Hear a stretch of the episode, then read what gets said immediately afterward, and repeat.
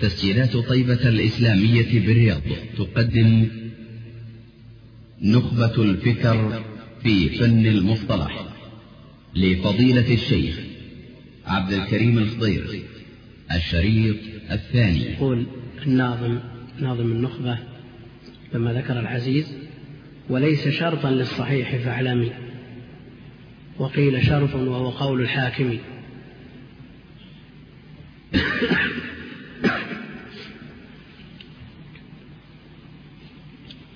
والنوع الرابع حسب تقسيم الحافظ رحمه الله وهو الثالث من أقسام الآحاد الغريب.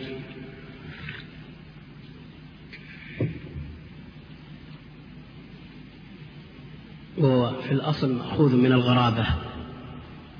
تقول غرب الشخص عن وطنه أي بعد وجمعه غرباء.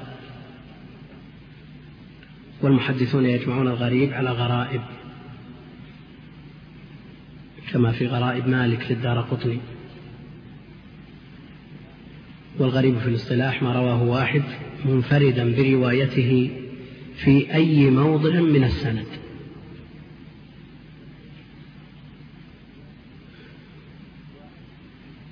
والغريب والفرد ذكر الحافظ رحمه الله أنهما مترادفان لغة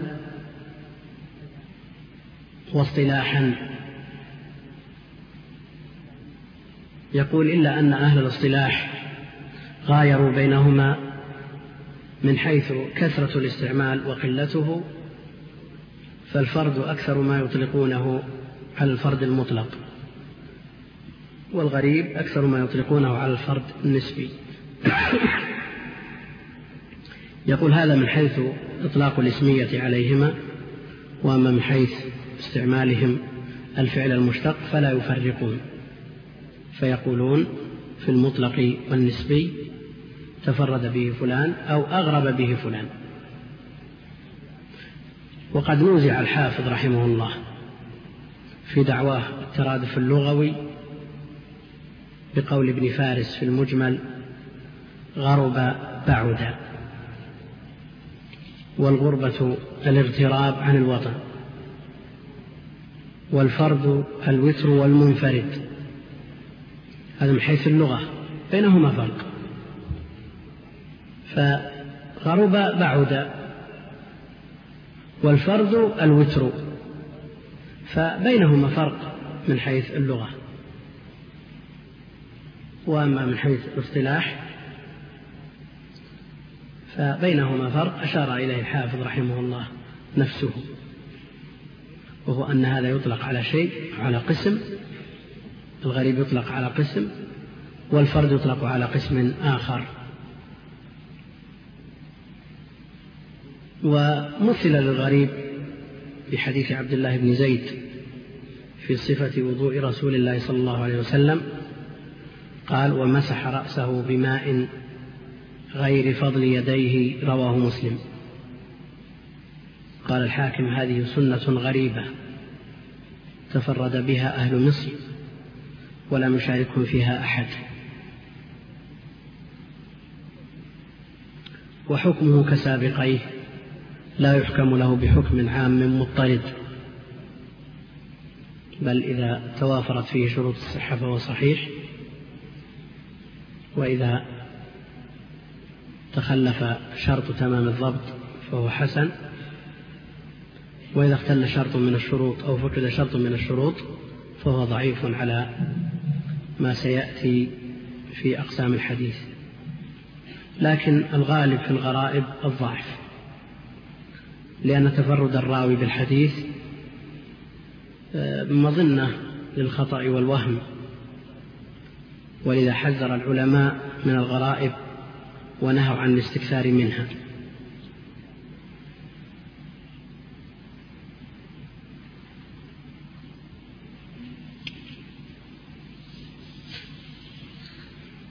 ثم قال الحافظ رحمه الله كلها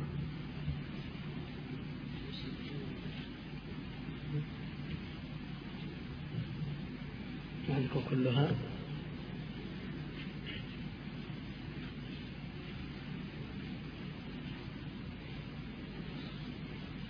نعم. وكلها وكلها يعني الأقسام السابقة سوى القسم الأول وهو المتواتر كلها آحاد. يعني أن الأقسام الثلاثة المذكورة المشهور والعزيز والغريب آحاد. سوى القسم الأول يعني المتواتر. والآحاد في اللغة جمع أحد بمعنى الواحد. قاله في القاموس وفي العباب الصغاني سئل أبو العباس ثعلب هل الآحاد جمع أحد؟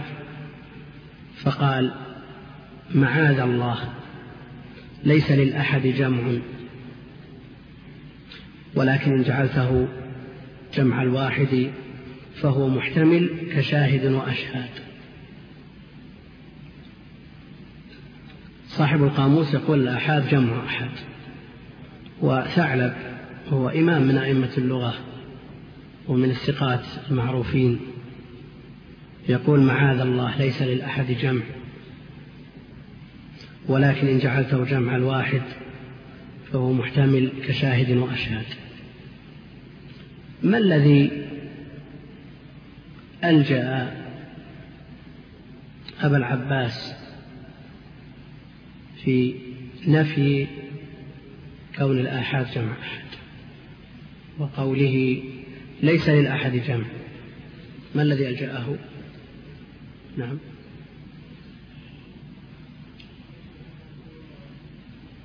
نعم الذي ألجأه إلى ذلك هو أن الأحد من أسماء الله سبحانه وتعالى. لكنه غاب عنه أنه كما يطلق على الله سبحانه وتعالى لأنه الأحد يطلق على غيره أنه أيضا أحد. فاليوم الذي يلي السبت اسمه أحد أو الأحد وفي الشهر أربعة آحاد. في الشهر أربعة آحاد. ونظر إلى أنه اسم من أسماء الله سبحانه وتعالى وأسماء الله سبحانه وتعالى لا تجمع. لكنه غاب عنه أنه قد يطلق على غيره إطلاقا حقيقيا. والآحاد في الاصطلاح ما اختل فيه شرط من شروط المتواتر أو ما لم يجمع شروط المتواتر.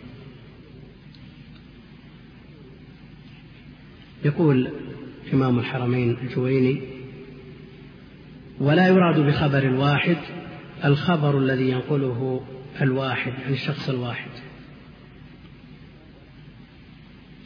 ولكن كل خبر عن جائز ممكن لا سبيل إلى القطع بصدقه ولا إلى القطع بكذبه لا اضطرارا ولا استدلالا فهو خبر الواحد وخبر الآحاد سواء نقله واحد أو جماعة منحصرون. يطلق عليه آحاد.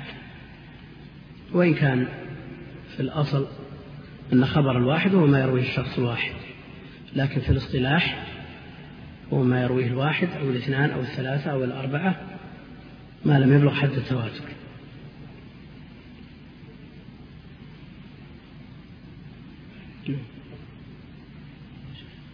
وفيها. وفيها المقبول والمردود لتوقف الاستدلال بها على البحث عن أحوال رواتها دون نعم. الأول. يقول يقول يقول الحافظ رحمه الله وفيها يعني أخبار الآحاد المقبول والمردود. كما تقدمت الإشارة إلى أنه لا يحكم بحكم عام مضطرد على أي قسم من أقسام الآحاد بل فيها ما هو مقبول وذلك لتوافر شروط القبول وفيها أيضا المردود لتخلف بعض الشروط والقبول والرد يكون تبعا للبحث عن أحوال رواتها فإذا توافرت الشروط الآتية للقبول دخلت في دائرة المقبول. وإذا اختل شرط من الشروط فإنها تدخل في إطار المردود وهذا كله سيأتي. نعم. وقد يقع فيها ما يفيد العلم النظري بالقرائن على المختار. نعم. يعني أن أخبار الآحاد قد يقع فيها ما يفيد العلم النظري. وعرفنا سابقا الفرق بين العلم النظري والعلم الضروري. فالعلم الضروري لا يحتاج إلى نظر ولا استدلال. فهو يضطر السامع إلى تصديقه. من غير نظر في أحوال رواته ولا غير ذلك من توافر الشروط واكتمالها. وأما العلم النظري فهو ما يفيد العلم يعني اليقين الجازم لكن بعد النظر والاستدلال لا بد له من مقدمات حتى يفيد العلم. ومسألة إفادة خبر الواحد أو أخبار الآحاد العلم أو الظن مسألة خلافية بين أهل العلم فللعلماء فيها ثلاثة أقوال. القول الأول وعزاه النووي رحمه الله إلى المحققين والأكثرين. لكن شيخ الإسلام ينازع في هذه النسبة إلى المحققين أو إلى الجمهور أو الأكثرين. وكذلك الشيخ أحمد شاكر رحمه الله ينازع في هذه النسبة بل يرى أن هذه النسبة إلى الأكثرين والمحققين من المتكلمين. أما الأكثرون والمحققون من أهل السنة المعتبرون فسيأتي كلامهم في القول الثالث. القول الأول أن خبر الواحد لا يفيد العلم وإنما يفيد الظن مطلقا. وحجة هؤلاء أن الراوي وإن كان ثقة حافظا ضابطا متقنا إلا أنه غير غير معصوم من الخطأ والسهو. وإذا وجد هذا الاحتمال فإن النفس لا تجزم بصحة الخبر بل يغلب على على الظن صدق المخبر. وهذا هو عين الظن. لأن الظن هو الاحتمال الراجح. والاحتمال المرجوح يسمونه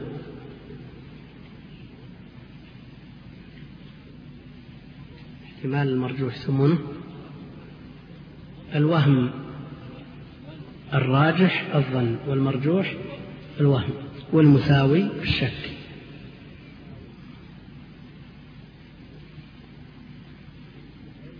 الخبر الذي يفيد العلم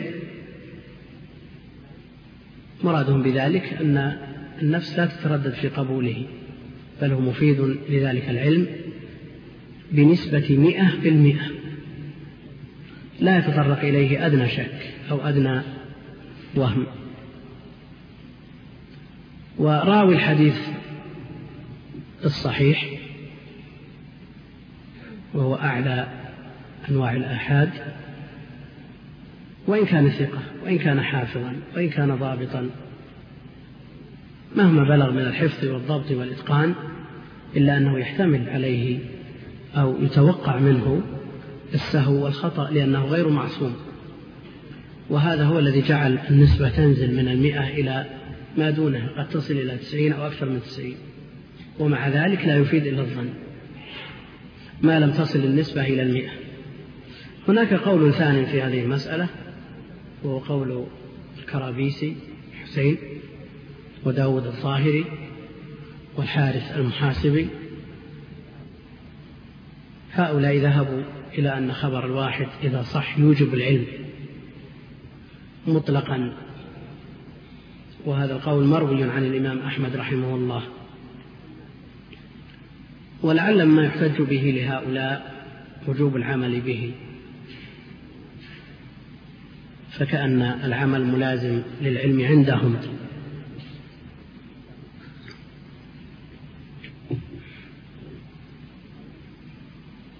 وهذا القول ترده حجة أصحاب القول الأول. والقول الثالث أنه يوجب العلم ويقطع به إذا احتفت به قرائن. لأن يعني الأصل في خبر الآحاد أو خبر الواحد أنه لا يفيد العلم وإنما يفيد الظن. لكن إذا احتفت به قرائن أفاد العلم. وذكروا من هذه القرائن أن يكون الحديث مشهورا بحيث تكون له طرق متباينة سالمة من ضعف الرواة والعلل أو يكون الحديث مسلسلا بالأئمة الحفاظ المتقنين وذلك بأن يكون رجال إسناده الأئمة فلا يزال يرويه إمام عن إمام عن إمام كالحديث الذي يرويه الإمام أحمد عن الشافعي عن مالك عن نافع عن ابن عمر. فمثل هذا لا يتردد السامع في تصديقه. فيفيده العلم لأن هذه القرينة وهي توارد واجتماع هؤلاء الأئمة على روايته تجعل النفس تجزم بصدق هذا الخبر. والواحد من الرواة قد يعدل الجمع من الناس.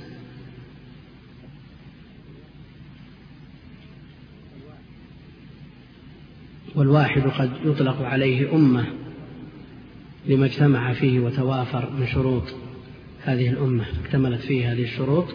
ولذا سمى الله سبحانه وتعالى إبراهيم الخليل أمة. أو يكون الحديث مما أخرجه الشيخان البخاري ومسلم آه، لجلالتهما في هذا الشأن وتقدمهما في تمييز الصحيح من غيره على غيرهما. ولتلقي الأمة لكتابيهما بالقبول. لهذه, لهذه الأشياء كلها اكتسب الحديث الذي اتفق على إخراجه أو أخرجه أحدهما مما لم يتكلم فيه. اكتسب من القوة ما يجعله مفيدا للعلم الذي لا يتطرق إليه الشك.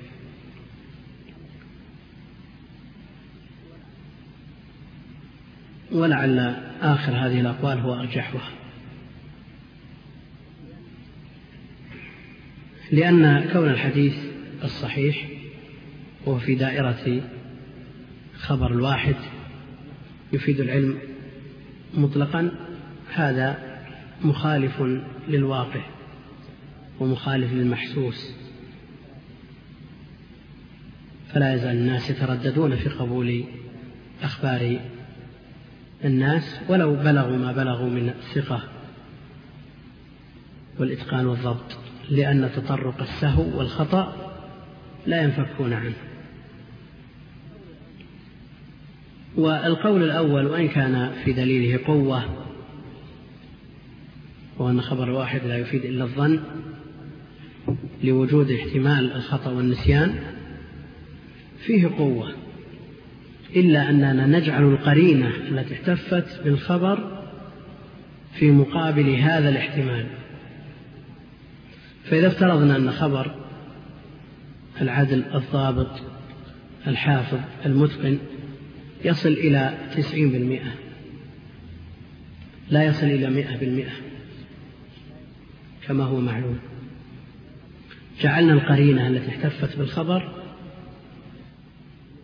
في مقابل هذه العشرة بالمئة الناقصة فارتقى إلى درجة العلم اليقيني. فالراجح هو القول الأخير وهو ما رجحه واختاره الحافظ بن حجر رحمه الله ورجحه أيضا الإمام ابن القيم رحمه الله في الصواعق وأطال في تقريره.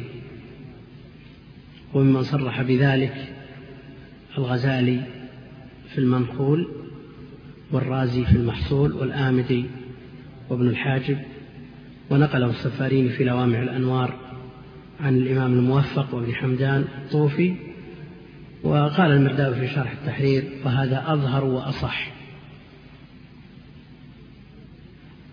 وعرفنا سبب ترجيحه أن القرينة التي احتفت بالخبر تكون في مقابل الاحتمال الذي أبداه أصحاب القول الأول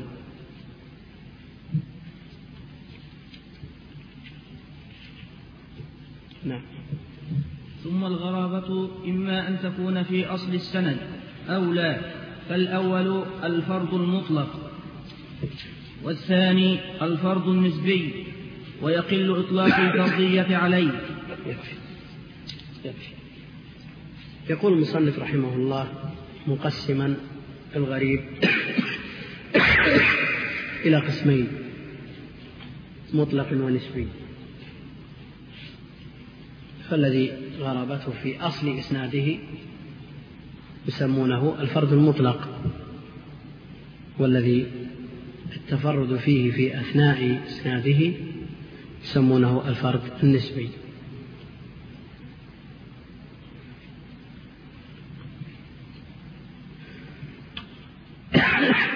وحاصل كلامه رحمه الله أن الغريب ينقسم قسمين الأول الفرد المطلق وما كانت الغرابة في أصل سنده أي طرفه أي طرفه الذي فيه الصحابي.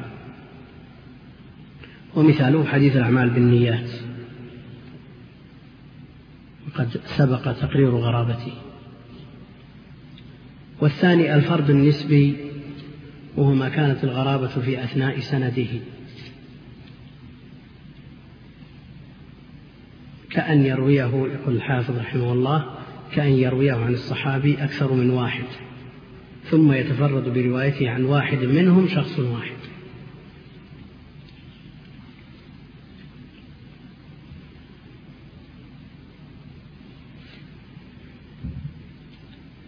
في الغريب النسبي تعريفه ما كانت الغرابة في أثناء سنده. وفي شرح الحافظ رحمه الله لهذا التعريف يقول في النزهة كأن يرويه عن الصحابي أكثر من واحد ثم يتفرد بروايته عن واحد منهم شخص واحد. في هذا الموضع كأن الحافظ رحمه الله أخرج تفرد الصحابي عن دائرة الغرابة.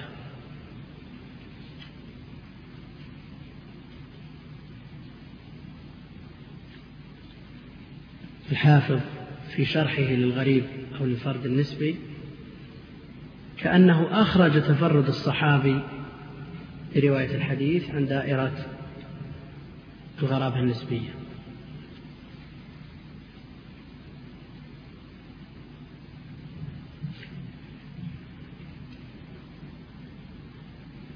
الفرد المطلق عنده ما كانت الغرابة في أصل سنده أي طرفه الذي فيه الصحابة فعنده الذي يتفرد بروايته صحابي واحد يسمى فرد مطلق. والفرد النسبي يقول كأن يرويه عن الصحابي. حتى في القسم الثاني الفرد النسبي ذكر أن الصحابي واحد غير متعدد. يقول كأن يرويه عن الصحابي أكثر من واحد. ثم يتفرد بروايته عن شخص منهم شخص واحد.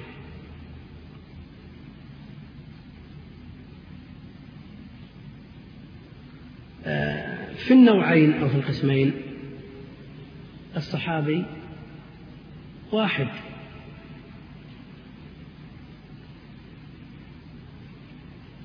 وأصل التقسيم عند الحافظ يرد هذا لأنه يقول ثم الغرابة إما أن تكون في أصل السند أو لا. فالأول هو الفرض المطلق هذا كلام صحيح.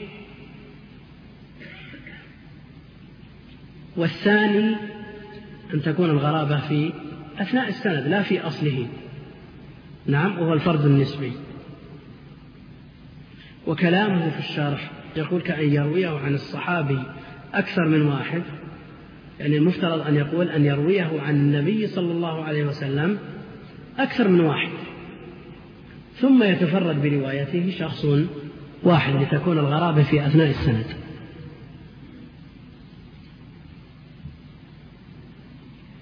ظاهر يا أخوان؟ الإشكال ظاهر؟ نعم. الحافظ رحمه الله قرر في أصل المسألة أن الغرابة إن كانت في أصل السند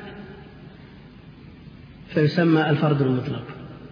وإذا كانت لا في أصله يعني في أثنائه فهو الفرد النسبي.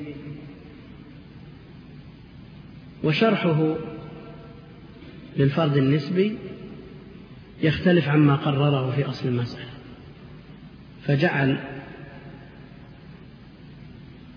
الصحابي منفردا في القسمين. وهذا مما يستدرك عليه. فالأصل أن يقول كأن يرويه عن النبي صلى الله عليه وسلم أكثر من واحد ثم يتفرد بروايته عنهم شخص واحد. لتكون الغرابة في أثناء السند لا في أصله.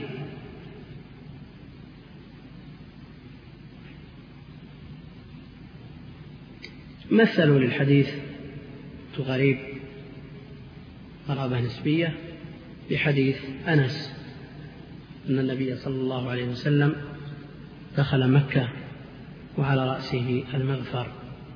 تفرد برواية هذا الحديث الإمام مالك عن الزهري.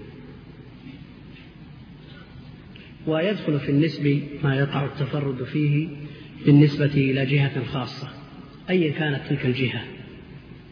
فأن يتفرد به ثقة عن ثقة. يعني ولو رواه عن هذا الثقة مجموعة لكنهم غير ثقات.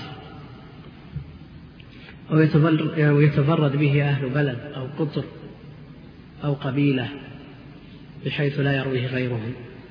فإذا تفرد به أهل بلد سمي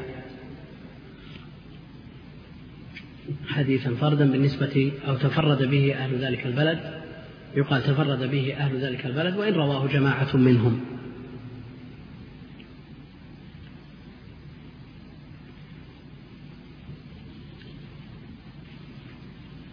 نعم. وخبر الآحاد بنقل عدل تام الضبط متصل السند غير معلل ولا شاذ هو الصحيح لذاته. نعم. وتتفاوت رتبته بتفاوتها بتفاوت هذه الأوصاف. ومن ثم قدم صحيح البخاري ثم مسلم ثم شرطهما. يكفي انتهى الحافظ رحمه الله من تقسيم الأخبار من حيث تعدد الطرق. قسمها إلى أربعة أقسام. المتواتر والمشهور والعزيز والغريب. وجعل الآحاد من حيث تعدد الطرق ثلاثة أقسام المشهور والعزيز والغريب. ثم شرع الحافظ رحمه الله في تقسيم آخر لخبر الواحد أو الآحاد وهو من حيث القوة والضعف من حيث القبول والرد. فقسمه إلى قسمين. مقبول ومردود. ثم قسم المقبول إلى أربعة أقسام صحيح لذاته صحيح لغيره وحسن لذاته وحسن لغيره. وأما المردود فتأتي أقسامه وهي كثيرة جدا. يأتي ذكر بعضها وهي أهمها في كلام الماتن بإذن الله تعالى. والخلاصة أن الحديث له أقسام من جهات متعددة. من حيث تعدد الطرق يقسم إلى ثلاثة أقسام مشهور وعزيز وغريب. ومن حيث القوة والضعف يقسم إلى مقبول ومردود. وبعبارة أبسط من ذلك يقسم إلى صحيح وحسن وضعيف. يقول الحافظ العراقي رحمه الله في ألفيته وأهل هذا الشأن قسموا السنن إلى صحيح وضعيف وحسن. ثم بدأ المؤلف رحمه الله تعالى بالصحيح لذاته وهو ما رواه عدل تام الضبط بسند متصل غير معلل ولا شاذ. وحاصل هذا التعريف أن ما, ما اشتمل على الشروط الخمسة هو صحيح لذاته. والشروط الخمسة عدالة الرواة وتمام ضبطهم واتصال السند وانتفاء العلة وانتفاء الشذوذ. فقوله رحمه الله في التعريف ما رواه عدل العدل من له ملكة تحمله على ملازمة التقوى والمروءة. والملكة هي الصفة الراسخة.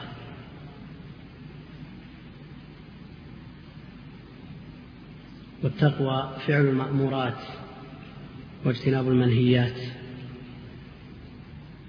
والمروءة عرفوها بأنها آداب نفسانية تحمل مراعاتها على التحلي بمحاسن الأخلاق وجميل العادات.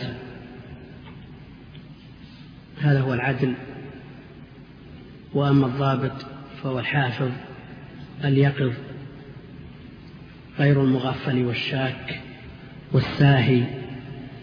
في حالتي التحمل والأداء. والضبط نوعان ضبط صدر وهو الذي يثبت ما سمعه في ذاكرته بحيث يتمكن من استحضاره متى شاء. والثاني ضبط كتاب وهو صون كتابه عن تطرق الخلل إليه من حين سمع فيه وقابله على الأصل إلى أن يؤدي منه. هذا الضابط وذلك هو العدل والعدالة والضبط شرطان متفق, متفق عليهما شرطان اتفق الأئمة عليهما. وإن نازع بعضهم في اشتراط الضبط إلا أنه في النهاية يجعله شرط من شروط العدالة. فالخلاف لفظي ولذا يقول الحافظ العراقي رحمه الله أجمع جمهور أئمة الأثر والفقه في قبول ناقل الخبر بأن يكون ضابطا معدلا أن يقظا ولم يكن مغفلا حافظا إن حدث حفظا يحوي كتابه إن كان منه يروي يعلم ما في اللفظ من من إحالة إن يروي بالمعنى وفي العدالة بأن يكون مسلما لا عقل قد بلغ الحلم سليم الفعل من فسق ومن خرم مروءة ومن زكاه عدلان فعدل مؤتمن. إلى آخر كلامه رحمه الله. وأما بالنسبة لاتصال الإسناد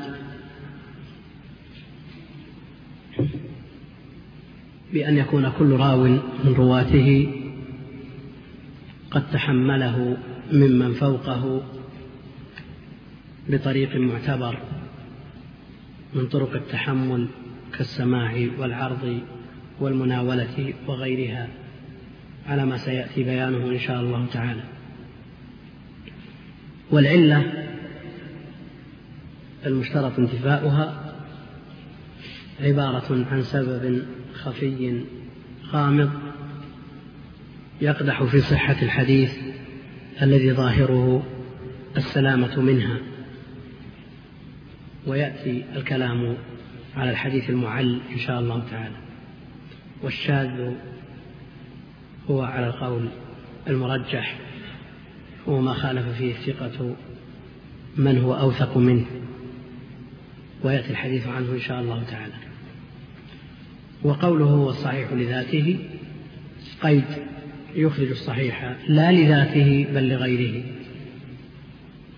وفي تعريف الحديث الصحيح يقول الحافظ العراقي رحمه الله فالأول المتصل الإسناد بنقل عدل ضابط الفؤاد عن مثله من غير ما شذوذ وعلة قادحة فتوذي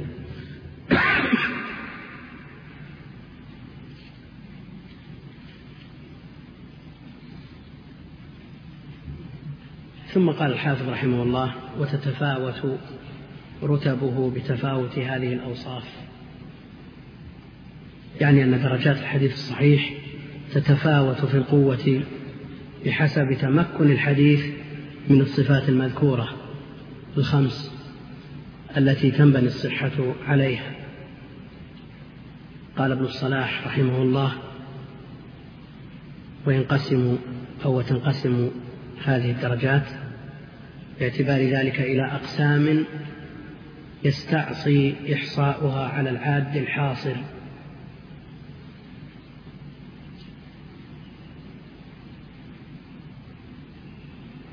وكلامه صحيح. لا يمكن الحصر. لأنك لو جمعت ألفا من الثقات أو أكثر لوجدت بينهم تفاوت. ولو يسير بين بعضهم مع البعض الآخر في العدالة والضبط. فلا يوجد شخص مطابق لغيره في العدالة والضبط مطابقة تامة. وتبعا لهذا التفاوت تتفاوت رتب الحديث الصحيح. ويقول الحافظ رحمه الله في النزهة لما كانت هذه الأوصاف يعني الشروط مفيدة لغلبة الظن الذي مدار الصحة عليه اقتضت أن يكون لها درجات بعضها فوق بعض بحسب الأمور المقوية. وإذا كان كذلك فما يكون رواته في الدرجة العليا من العدالة والضبط وسائر الصفات التي توجب الترجيح كان أصح مما دونه. ثم ذكر الحافظ رحمه الله أمثلة لرواة تتفاوت مراتبهم وإن دخلوا جميعا في إطار من يعد حديثه صحيحا. يقول فمن المرتبة العليا ما أطلق عليه الأئمة أنه أصح الأسانيد. كالزهري عن سالم بن عبد الله بن عمر عن أبيه وهذا اختيار الإمام أحمد رحمه الله في أصح الأسانيد. وأما اختيار الإمام البخاري في أصح الأسانيد فمالك عن نافع عن ابن عمر مسألة أصح الأسانيد الراجح عند أهل العلم أنه لا يقطع بسند من الأسانيد بأنه أصح مطلقا. ولذا يقول الحافظ العراقي رحمه الله والمعتمد إمساكنا عن حكمنا على سند بأنه أصح مطلقا وقد خاض به قوم فقيل مالك عن نافع بما رواه الناسك مولاه واختر حيث عنه يسيد الشافعي قلت وعنه أحمد. وجزم ابن حنبل بالزهري عن سالم أي عن أبيه البري. إلى آخر ما ذكر رحمه الله. فذكر أن العلماء خاضوا في هذه المسألة. لكن الصواب والمعتمد أنه لا يحكم على سند بأنه أصح مطلقا. وإن مال كثير من الأئمة إلى اختيار بعض الأسانيد وتفضيلها على غيرها مطلقا. وللحافظ العراقي رحمه الله كتاب في أحاديث الأحكام جمعه بأسانيد قيل فيها إنها أصح الأسانيد. سماه تقريب الأسانيد. يقول رحمه الله فمن المرتبة العليا ما أطلق عليه بعض الأئمة إنه أصح الأسانيد. كالزهري عن سالم عن, عبد عن سالم بن عبد الله بن عمر عن أبيه. ودونها حماد بن سلمة عن ثابت عن أنس ودونها سهيل بن أبي صالح عن أبيه عن أبي هريرة. يقول فإن الجميع يشملهم اسم العدالة والضبط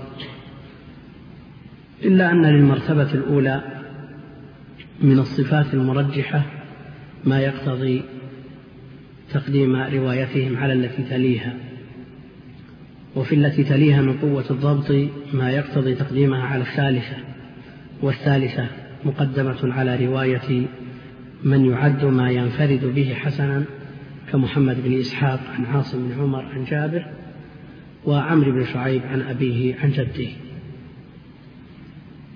هذه أمثلة.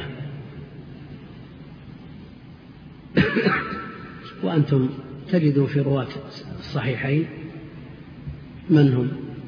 في الدرجة العليا من الثقة والضبط والإتقان وتجدون فيهم من هم دون ذلك. ثم من هم دون ذلك؟ وكلهم في حيز درجة القبول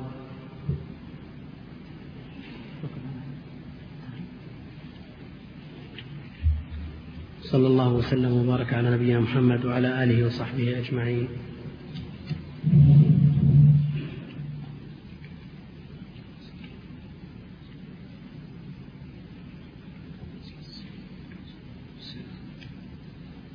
يقول ما أفضل الطبعات الموجودة الآن للكتب الستة التي ينصح طالب العلم باقتنائها؟ بالنسبة لصحيح البخاري فأفضل الطبعات وأحفظها على الإطلاق هي طبعة بولاق التي على هامشها الفروق وما تفرع عنها. وإن ضم إليها الطبعة التركية وهي مصورة الآن موجودة في الأسواق لأن هذه الطبعة لها مزية وهي أنها مأخوذة بحروفها من شرح القسطلاني. وشرح القسطلاني شرح محرر مقرر متقن. هو أجود الشروح في ضبط ألفاظ البخاري. وأما بالنسبة لصحيح مسلم فأيضا الطبعة التركية طبعة جيدة ومعتنى بها.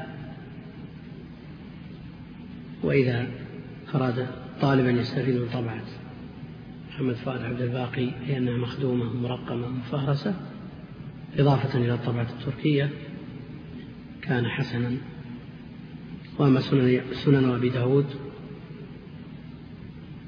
فأجود ما في الأسواق الآن طبعة الدعاس عزة عبيد الدعاس على ما فيها. الكتاب بحاجة إلى عناية. وأشد منه حاجة إلى مزيد العناية سنن الترمذي لأن النسخ فيه متباينة فيها فروق كبيرة جدا وأفضل ما يوجد الآن الجزءان اللذان حققهما الشيخ أحمد شاكر إضافة إلى طبعة الدعاس لأنها مقابلة على عدة نسخ. كل هذا لا يعفي من مسؤولية العناية بهذا الكتاب. وسنن النسائي مطبوع طبعات متعددة ولعل من أفضل. وما صور عنها. وأما سنن ابن ماجه فأفضل الموجود الآن طبعة محمد عبد فؤاد عبد الباقي. على ما فيها من النقص والسقط فالكتب الستة بحاجة إلى مزيد من العناية والخدمة. والشروح أفضل الشروح. فلو راجع في الشاد الساري كان حسنا. وبالنسبة لصحيح مسلم فأفضل الشروح على اختصار شرح النووي وسنن أبي داود الموجود الآن عون المعبود. وإلا فهناك شروح من شرح ابن رسلان أجود منه إلا أنه نعبد المجهود ليس بجيد.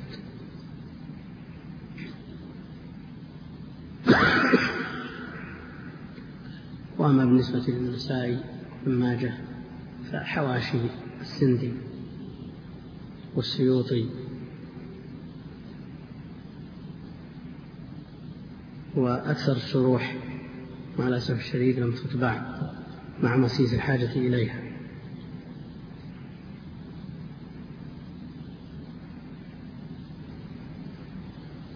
يقول هل يشترط بلوغ الحلم في كمال الضبط. بلوغ الحلم شرط للعدالة.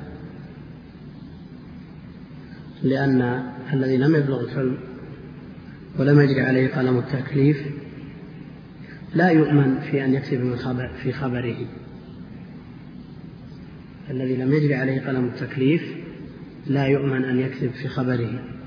ولذلك اشترط أهل العلم في قبول الخبر أن يكون قد بلغ الحلم.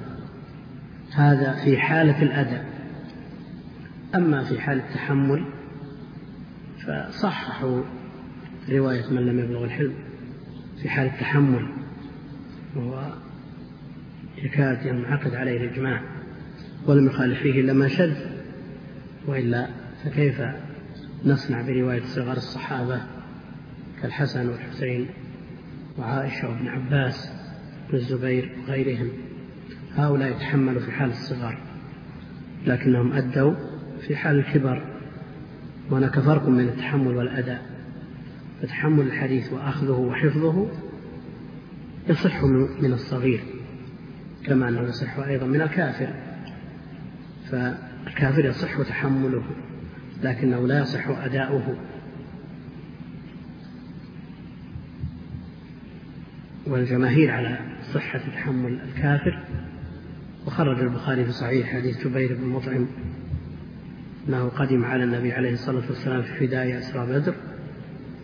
فسمعه يقرأ في المغرب سورة الطور وهو حينئذ كافر. ثم أدى هذه السنة بعد إسلامه وقبلها أهل العلم منهم أخرجوها في الصحيح.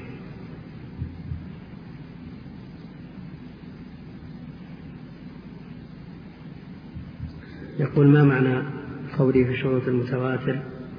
روى ذلك عن مسلم من الابتداء إلى الانتهاء. الإسناد طبقات. جماعة يرون عن جماعة وهؤلاء الجماعة يرونه عن غيرهم وهكذا إلى النهاية. فيلزم أو يشترط في المتواتر أن يكون العدد المطلوب للتواتر وإن لم نعلم عدده يعني من غير حاصر أن يكون أن يكون موجود في جميع طبقات السند بحيث لا يقل العدد في طبقة من الطبقات عن القدر المطلوب. وقوله كان مستندهم مستند خبرهم الحس نعم لا بد أن يكون المستند مستند الخبر الحس إما المشاهدة أو السماع أما الظنون وأخبار العقل ومثلها أيضا الإشاعات التي لا تستند في أصلها إلى الحس فهذه لا تفيد العلم ولا تبلغ التواتر ولو كثر ناقلوها.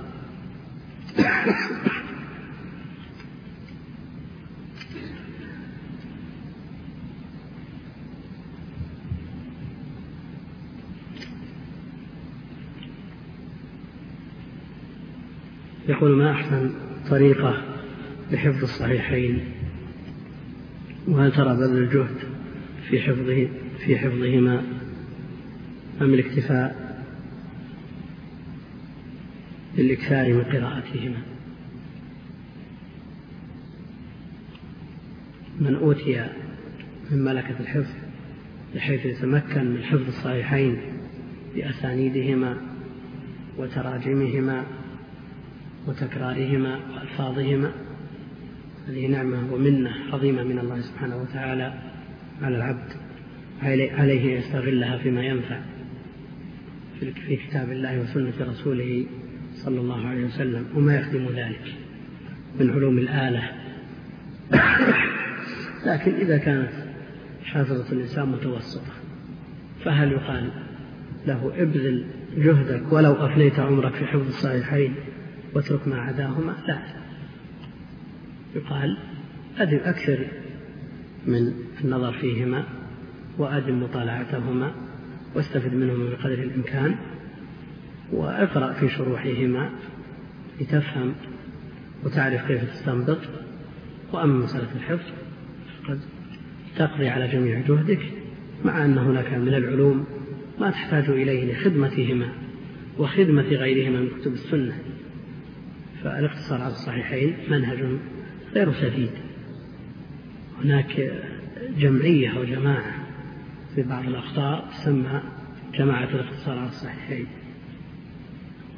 كان هذه الجماعة ترى أنه لا سنة إلا في الصحيحين.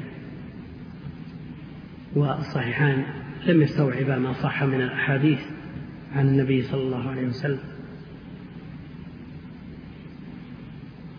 بل في السنن والجوامع والمسانيد والمعاجم وغيرها من كتب السنة الحديث الصحيح الشيء الكثير. ولذا يقول الحافظ العراقي رحمه الله أول من صنف الصحيح محمد وخص بالترجيح ومسلم بعد وبعد الغرب مع أبي علي فضلوا لا لو نفع ولم يعماه. يعني لم يستوعب الحديث الصحيح. ولم يعماه ولكن قلما عند ابن الأخرم منه قد فاتهما ورد. هذا قول مردود على ابن الأخرم.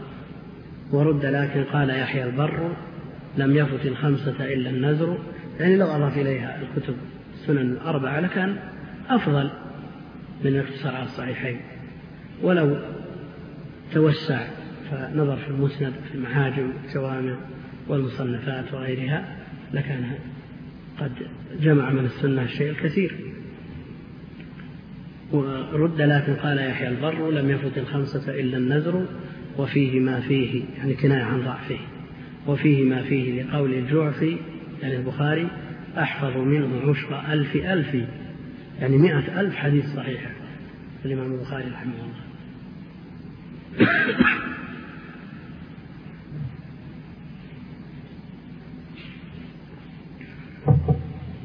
صلى الله وسلم وبارك على نبينا محمد وعلى آله وصحبه أجمعين.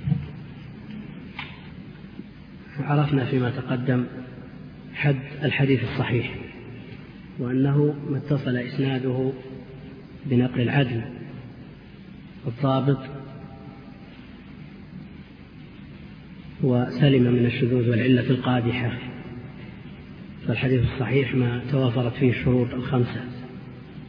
عدالة الرواة وتمام الضبط والسلامة من الشذوذ والعلة القادحة مع اتصال الإسناد.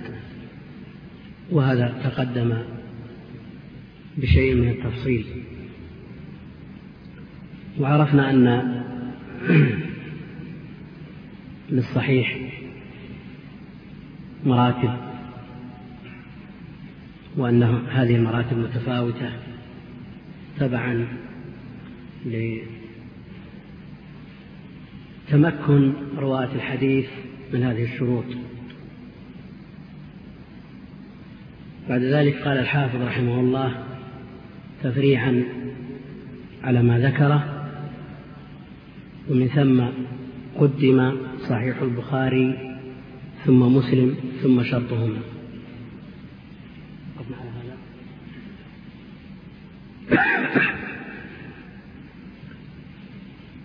أول من صنف الصحيح المجرد الإمام محمد بن إسماعيل البخاري رحمه الله. ثم تلاه تلميذه وخريجه الإمام مسلم بن الحجاج رحمة الله على الجميع. وقول الإمام الشافعي رحمه الله ما على ظهر الأرض كتاب في العلم بعد كتاب الله أصح من كتاب مالك. فهذه المقولة من الإمام الشافعي كانت قبل وجود هذين الكتابين وإلا لو رأى الإمام الشافعي هذين الكتابين عن الصحيحين لما قال مثل هذه المقولة. إذا علم هذا فالصحيحان عن صحيح البخاري وصحيح مسلم أصح الكتب المصنفة بعد كتاب الله عز وجل. الذي لا يأتيه الباطل من بين يديه ولا من خلفه. وجمهور العلماء على ما ذكر الحافظ رحمه الله على تقديم صحيح البخاري على صحيح مسلم. هذا هو قول جمهور العلماء. والسبب في ذلك تقدم الإمام البخاري في هذا الفن ومزيد استقصائه وعلو ورسوخ قدمه في هذا الباب. ومسلم تلميذه وخريجه. حتى قال الدار قطني رحمه الله لولا البخاري لما راح مسلم ولا جاء. هذا تفضيل جملي.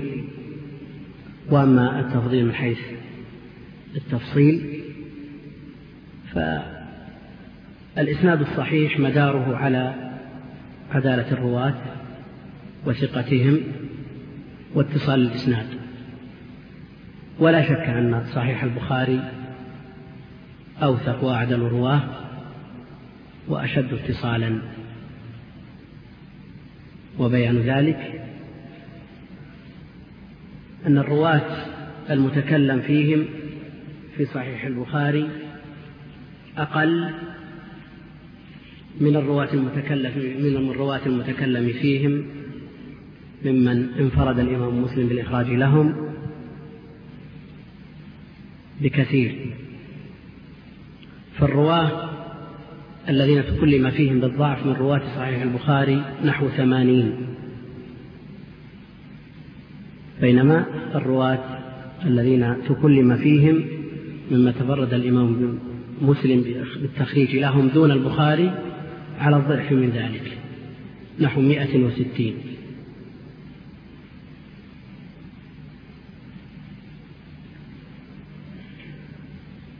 وتخريج الشيخين لمثل هذه هؤلاء الرواة الذين مسوا بضرب من التجريح لا يؤثر على صحة الكتابين كما هو معلوم لأنه وإن تكلم بعض بعض العلماء في بعض الرواة فإن هذا لا يعني أن الصواب معهم بل قد يكون الصواب مع الشيخين فالكلام فيهم غير مؤثر. وأيضا الشيخان حينما خرجا لمثل هؤلاء الرواة لم يعتمدوا عليهم بل خرجوا لهم في الشواهد والمتابعات. وأما في الأصول فقد اعتمدوا على الرواة الذين لا مغمز فيهم ولا مطعن.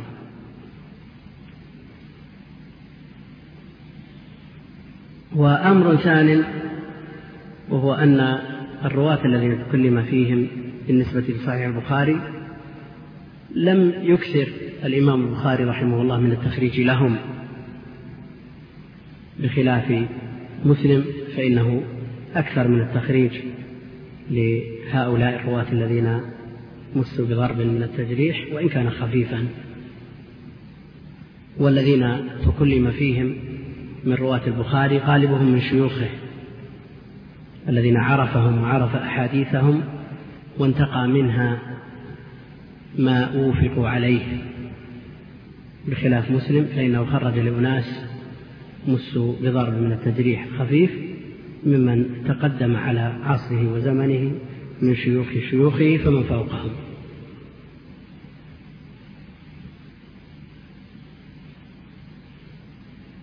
وهذا مثل ما أشرت لا يقدح في صحة الصحيحين فإن الشيخين يخرجون لمثل يخرجان لمثل هؤلاء الرواة في الشواهد والمتابعات لا في الأصول وأيضا يخرجان لهم على سبيل الانتقاء من أحاديثهم لا على سبيل الاستيعاب. وأما ما يتعلق بالاتصال فلا شك أن صحيح البخاري أشد اتصالا بأسانيد أحاديثه من صحيح مسلم.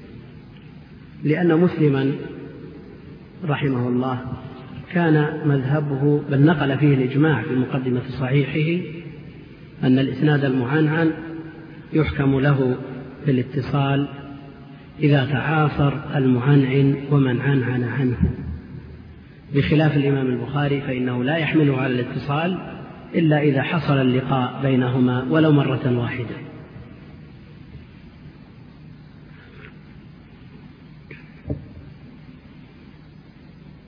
الإمام مسلم يكتفي بالمعاصرة السند المعنعن والإمام البخاري يشترط اللقاء لا يحمله على الاتصال حتى يثبت الاجتماع بين الراوي الذي روى عن شيخه بالعنعنة ومن روى عنه. هذا هو القول الأول في هذه المسألة وهو قول جمهور العلماء وهو ترجيح صحيح الإمام البخاري على صحيح الإمام مسلم. هناك قول ثاني في هذه المسألة حكاه القاضي عياض رحمه الله في إكمال المعلم عمن لم يسمه من المغاربة وسماه الحافظ ابن حجر في نكته على ابن الصلاح القاسم التجيبي. والقاسم التجيبي ذكر في فهرسته المطبوع في صفحة 93 وهو من المغاربة. ذكر أنهم فضلوا صحيح مسلم على صحيح البخاري. وهذا القول هو تفضيل صحيح مسلم على صحيح البخاري منسوب إلى الإمام أبي علي النيسابوري. وابن حزم كأنه يميل إلى هذا القول حيث علله بكون صحيح البخاري أو بكون صحيح مسلم ليس فيه بعد الخطبة إلا الحديث السرد.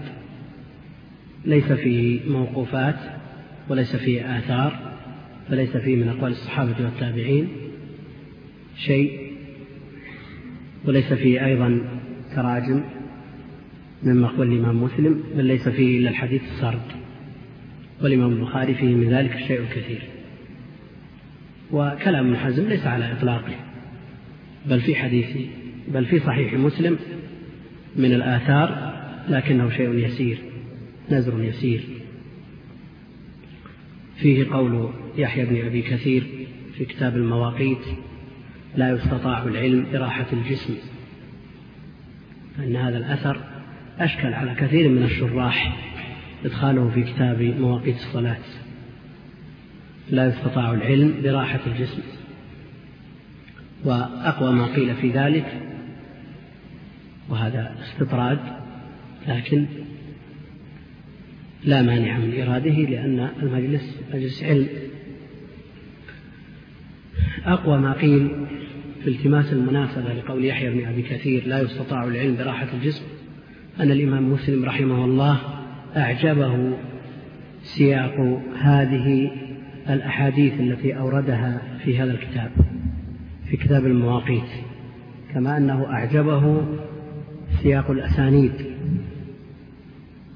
ونظافتها ومتانتها فأراد أن ينبه القارئ إلى أن مثل هذا الأمر لا يستطاع براحة الجسم وإنما يحتاج إلى شيء من التعب والعناء. علماء الحفاظ لم ينالوا ما نالوا بالإفراد إلى الراحة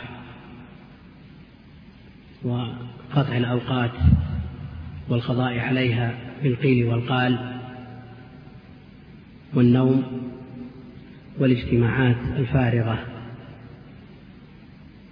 مع أن هذا لا يظن بطلبة العلم. لكن مقولة يحيى بن أبي كثير مقولة متينة. ينبغي أن يستحضرها طالب العلم. لا يستطاع العلم براحة الجسم. والذي جرنا إليها مقالة ابن حزم الذي يقول ليس في صحيح مسلم بعد الخطبة إلا الحديث السرد. نقول فيه أيضا شيء من الموقوفات لكنها يسيرة هناك. وفيه أيضا من المعلقات أربعة عشر حديثا يأتي الحديث عنها في عند الكلام على التعليق وحكم التعليق في الصحيحين إن شاء الله تعالى. وكلامهم وتفضيلهم إن كان مرادهم بهذا التفضيل ما قاله ابن حزم فهذا ليس براجع إلى الأصحية. فإذا استثنيت هذه الموقوفات وهذه المعلقات من صحيح البخاري سلم مما قاله الجمهور.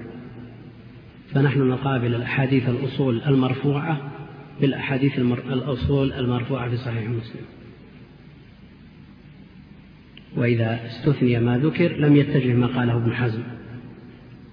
وأما المنقول عن أبي علي النيسابوري رحمه الله ولفظه ما تحت أديم السماء كتاب أصح من كتاب مسلم. فأجيب عنه بأنه لا يقتضي ترجيح مسلم على البخاري بل ينفي أن يوجد أصح منه دون المساوي له. ولذا لا يحسن أن ينسب إليه جزم بالأصحية. هذا ما أجيب به عن كلام أبي علي رحمه الله. ولنفرض أن أبا علي ومن معه من المغاربة وهم نزر يسير فضلوا صحيح مسلم على صحيح البخاري لكن جماهير الأمة على خلافه ولذا لا ينفع مثل هذا التفضيل.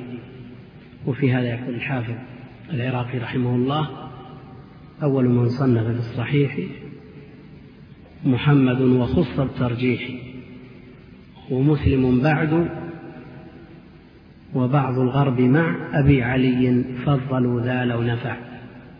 لكنه لا ينفع لقلة من قال به وضعف حجتهم. فالصواب ترجيح صحيح البخاري على صحيح مسلم. وهذه المفاضلة إجمالية. الأصح في صحيح البخاري أكثر من الأصح في صحيح مسلم. وإن كان الكل صحيحا.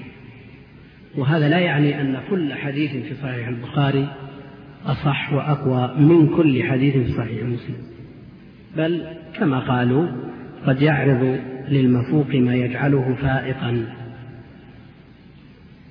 قد يحصل للحديث المرجوح الحديث في الكتاب المرجوح ما يجعله راجحا على غيره من الأحاديث أو من حديث, وجد في كتاب أرجح من الكتاب الأول. لكن الأصح في صحيح البخاري أكثر من الأصح في صحيح مسلم. ونقول الأصح بصيغة التفضيل لأن كل ما في الكتابين صحيح. فلذا ترجح صحيح البخاري على صحيح مسلم.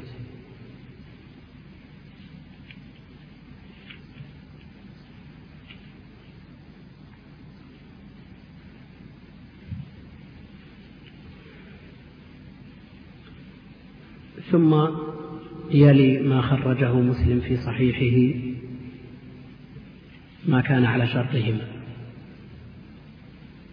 فعندنا أول أعلى مراتب الصحيح ما اتفق الشيخان على تخريجه. ثم ما تفرد به الإمام البخاري ثم ما تفرد به مسلم ثم ما كان على شرطهما معا ثم ما كان على شرط البخاري وحده ثم ما كان على شرط مسلم وحده ثم ما صح مما هو على غير شرطهما. وشرطهما اختلف في المراد به.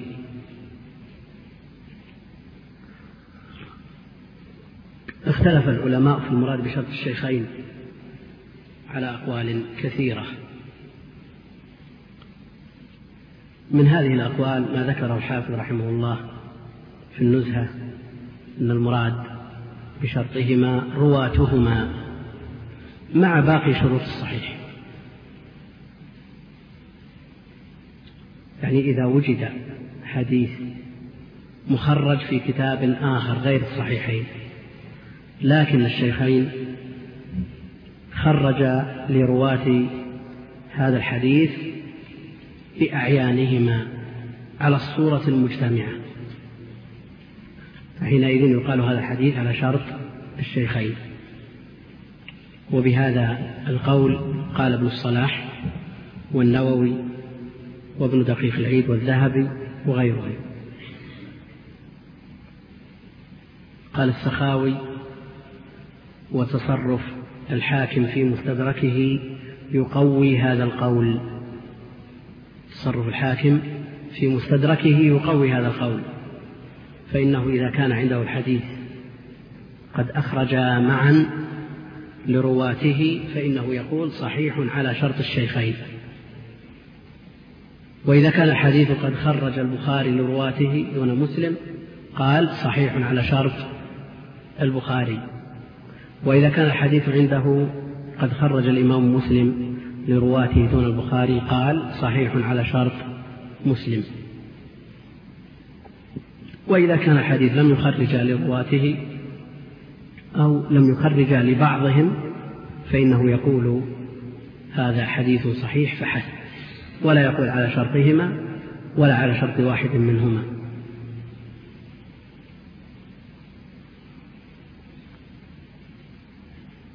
من ذلكم أن الإمام الحاكم خرج لحديث عن أبي عثمان ثم قال وهذا حديث صحيح. وأبو عثمان ليس هو النهدي ولو كان النهدي لقلت إنه على شرطهما. فكلام الحاكم في مستدركه وتصرفه فيه وتصرفه فيه يدل على أن المراد بشرط الشيخين رواتهما كما نص على ذلك الحافظ رحمه الله. وقال به قبله ابن الصلاح والنووي وابن دقيق العيد. لكن اعترض على هذا القول بأن الإمام الحاكم رحمه الله قال في مقدمة المستدرك وأنا أستعين الله على إخراج أحاديث احتج بمثلها الشيخان. ما قال احتج برواتها الشيخان.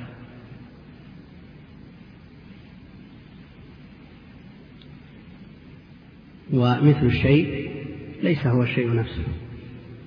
نعم. المثل يختلف عن الشيء. لكن أجاب الحافظ بن حجر رحمه الله بأن استعمال المثلية هنا أعم من أن يكون استعمالا حقيقيا بل استعمل الحاكم المثلية هنا في معنييها الحقيقي والمجازي وهذا على القول بثبوت المجاز والقول به. فاستعملها حقيقة حينما يكون الرواة غير رواة الصحيحين. واستعملها في مجازها حينما يروي عن رواة الصحيحين بأعيانهم. ثم استدل على ذلك بقصة رجل مع آخر ترافع إلى القاضي شريح حيث قال هذا الرجل للآخر اشتر لي مثل هذا الثوب الذي معك. فاشترى الثوب نفسه. ثم لما جاءه به قال قلت لك اشتر لي مثله. ما قلت لك اشتر هذا الثوب. فلما ترافع إلى القاضي شريح ألزمه بأخذ الثوب وقال لا شيء أشبه بالشيء من الشيء نفسه.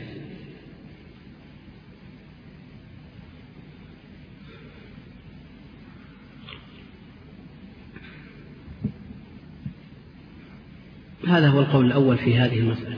مسألة المراد بشرط الشيخين والكلام فيه طول. واقتضبنا منه ما يناسب المقال أو ما يناسب المقام لضيف الوقت. لو المجال مفتوح استطردنا فيه. القول الثاني ذهب الإمام الحاكم أبو عبد الله. لا المسألة فيها كلام طويل لأهل العلم وهي من مهمات المسائل. ذهب الحاكم أبو عبد الله في كتابه معرفة علوم الحديث إلى أن شرطهما أن يروى الحديث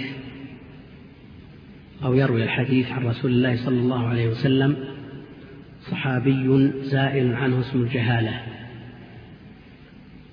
بأن يروي عنه تابعيان عدلان. وهذا على القول بأن الجهالة تتطرق إلى الصحابي مثل غيره. وهو قول لبعض أهل العلم وإلا فالصحابة كلهم عدول عند جماهير الأمة كما هو معلوم. والقول بتجهيل بعض الصحابة قول لبعض العلماء حتى إن أبا حاتم الرازي رحمه الله سئل عن شخص فقال من السابقين الأولين مجهول. يقول أن يروي الحديث عن رسول الله صلى الله عليه وسلم صحابي زائل عنه اسم الجهالة بأن يروي عنه تابعيان عدلان. والجهالة ما يرفعها يأتي الحديث عنها إن شاء الله تعالى. ثم يروي عن التابعي أو يروي عنه يعني عن الصحابي التابعي المشهور بالرواية عن الصحابة.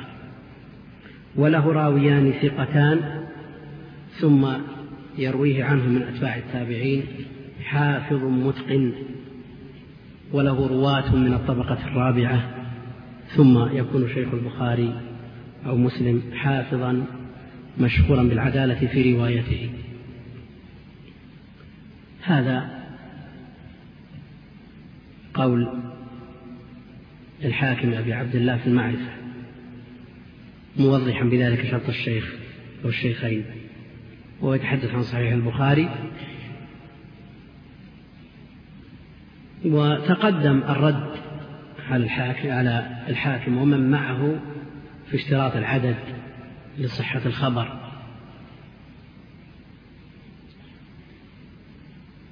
تقدم هذا وذكرنا أن أول حديث في صحيح البخاري وآخر حديث فيه يردان على الحاكم مقالته هذه. فاعترض على هذا القول بما في الصحيحين من الغرائب. القول الثالث وبه يقول أبو الفضل بن طاهر في شروط الأئمة.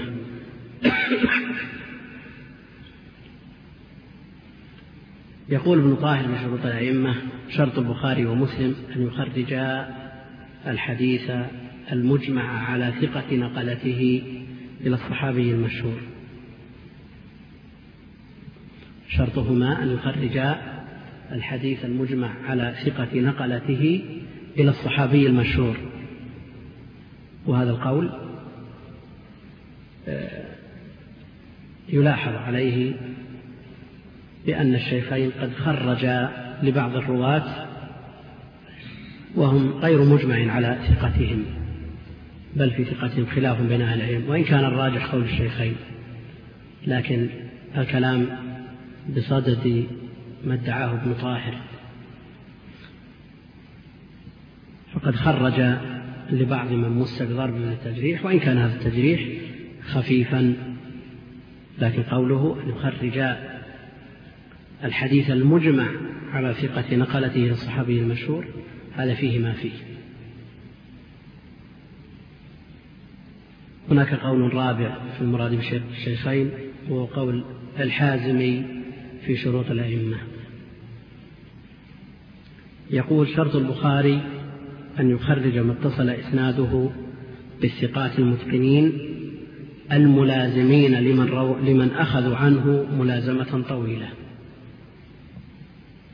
وقد يخرج أحيانا عن أعيان الطبقة التي تلي هذه في الإتقان والملازمة لمن رووا عنه فلم يلزموه إلا ملازمة يسيرة. وهو شرط مسلم. وقد يخرج الإمام مسلم حديث من لم يسلم من غوائل الجرح إذا كان طويل الملازمة لمن أخذ عنه. خلاصة ما ذكره الحازمي أن الراوي ينظر إليه من زاويتين. الأولى الثقة بتمام العدالة والضبط. والثانية طول الملازمة لمن روى عنه. فشرط الإمام البخاري لمن اتصف بالأمرين معا. فالإمام البخاري يستوعب حديث من كان قد بلغ الدرجة العليا في العدالة والضبط كما أنه قد لازم من روى عنه ملازمة طويلة. إلا أنه قد ينزل قليلا فينتقي من أحاديث من تمت عدالتهم وتم ضبطهم وإن كانت ملازمتهم للشيوخ أقل من الرواة رواة الطبقة الأولى. والإمام مسلم رحمه الله يستوعب أحاديث الطبقة الأولى والطبقة الثانية. وقد ينزل الإمام مسلم فينتقي من أحاديث الطبقة الثالثة الذين لم يسلموا من غوائل الجرح بل مسوا بضرب من التجريح الخفيف إذا كانوا طويلي الملازمة لشيوخهم. وهذه الطبقة هي شرط أبي داود. والنسائي على سبيل الاستيعاب وقد ينزلون إلى الطبقة الرابعة وهي الجمع بين الجرح وخفة الملازمة التي هي شرط الإمام الترمذي. وأما الطبقة الخامسة وهي نفر من الضعفاء والمجهولين الذين يخرج لهم ابن ماجه على سبيل الاستيعاب وينتقي من أحاديثهم أصحاب السنن الأربعة.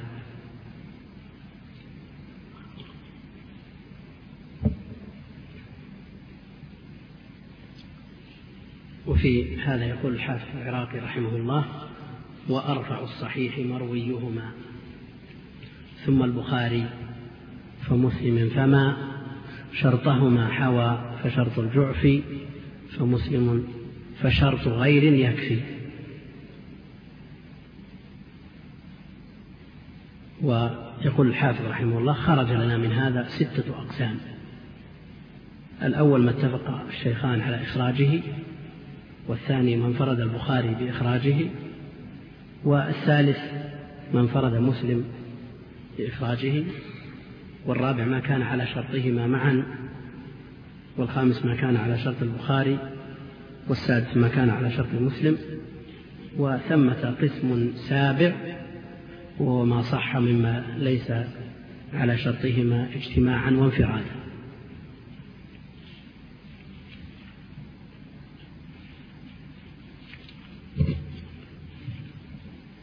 ننتقل من هذه المسألة ولا في إشكال؟ نعم. على سبيل الاستيعاب يعني أن البخاري يخرج لهذا الراوي الذي تم تمت عدالته وتم ضبطه واشتدت ملازمته لشيوخه على سبيل الاستيعاب يعني جميع ما يجب لهذا الراوي يخرجه. نعم.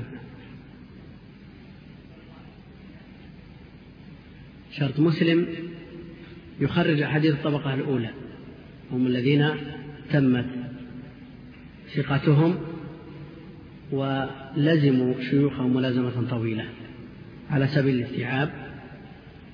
وأيضا يخرج أحاديث الطبقة الثانية وهم الذين تمت عدالتهم وضبطهم وخفت ملازمتهم لشيوخهم على سبيل الاستيعاب أيضا.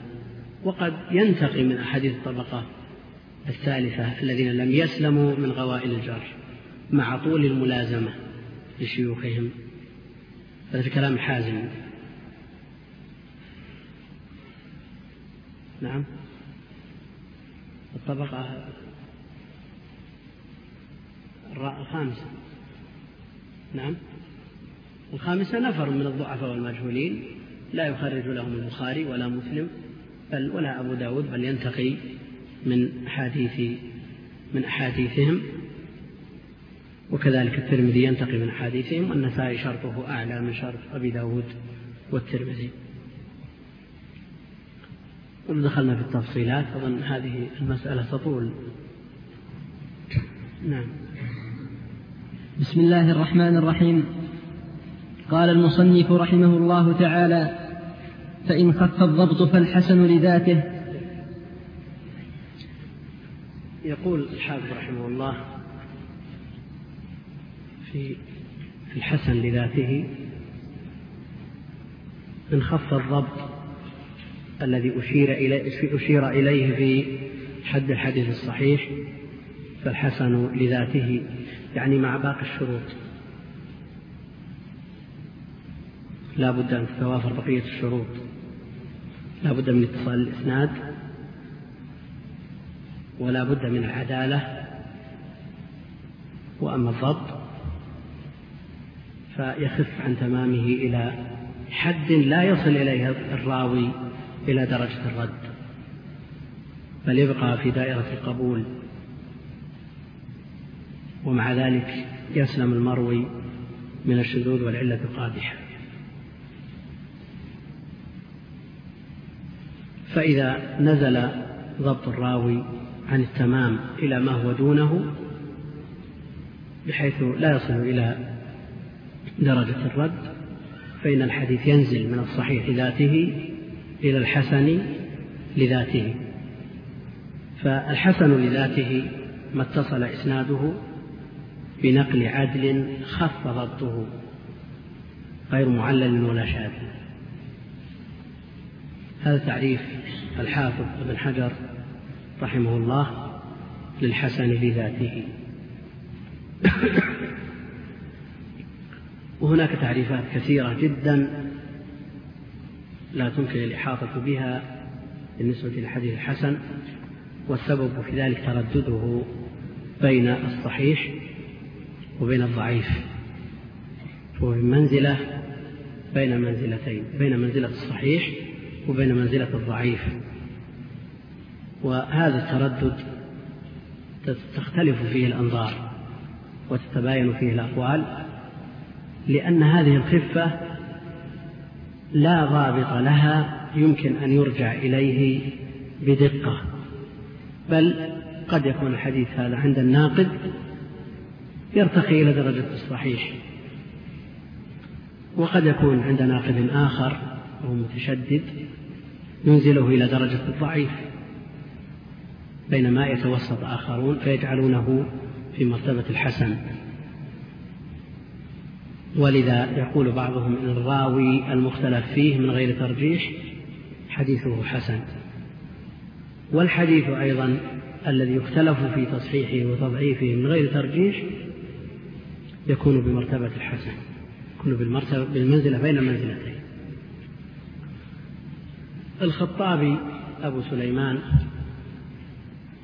عرف الحديث الحسن في مقدمة معالم السنن بقوله ما عرف مخرجه واشتهر رجاله ما عرف مخرجه واشتهر رجاله. فعلى هذا لا يشترط انتفاء الشذوذ ولا العلة لتسمية الحديث حسنا عند الخطابي ولكم تحيات إخوانكم في تسجيلات طيبة الإسلامية بمدينة الرياض. شارع السويد العام هاتف أربعة اثنين ستة أربعة خمسة سبعة ستة. والسلام عليكم ورحمة الله وبركاته.